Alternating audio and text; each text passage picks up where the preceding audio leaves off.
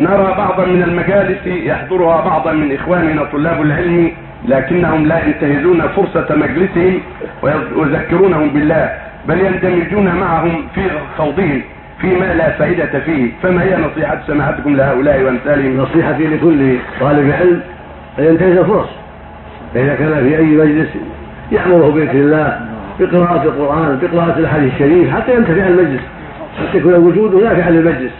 لا يشاركهم في الغيبة والنميمة والسوالف التي لا فائدة فيها. بل متى وجد طالب العلم يحضر المجلس إما بقراءة القرآن والكلام على ما تيسر من الآيات وإما بقراءة الأحاديث مثل رياض الصالحين وغيره حتى تكون الفائدة للجميع وحتى يكون المجلس نافعا من مجالس الآخرة. فإذا كان ولا بد من حديث فليكن حديثا قليلا فيما أباح الله لا في الغيبة والنميمة ونحوها بل في الحاجات العادية التي ليس فيها محذور حتى يعطيهم بعض الفرصة.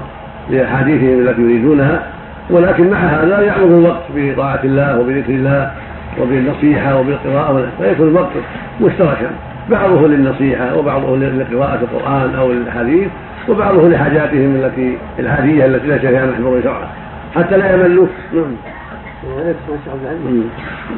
لكن الذكر المندوبة يعني يجمع الناس على التسبيح والتحميد والتكبير هذا منها. إذا جلسوا في المسجد قبل الصلاة.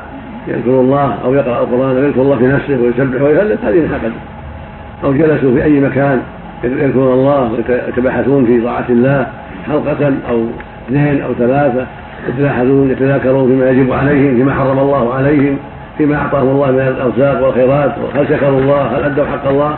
كما كان الصحابة يقع لهم شيء من هذا. يذكرون حالهم في الجاهلية وما كانوا عليه وما هداهم الله في الإسلام وهكذا المؤمنون اجتمعوا يتذاكرون. في أي مجلس نعم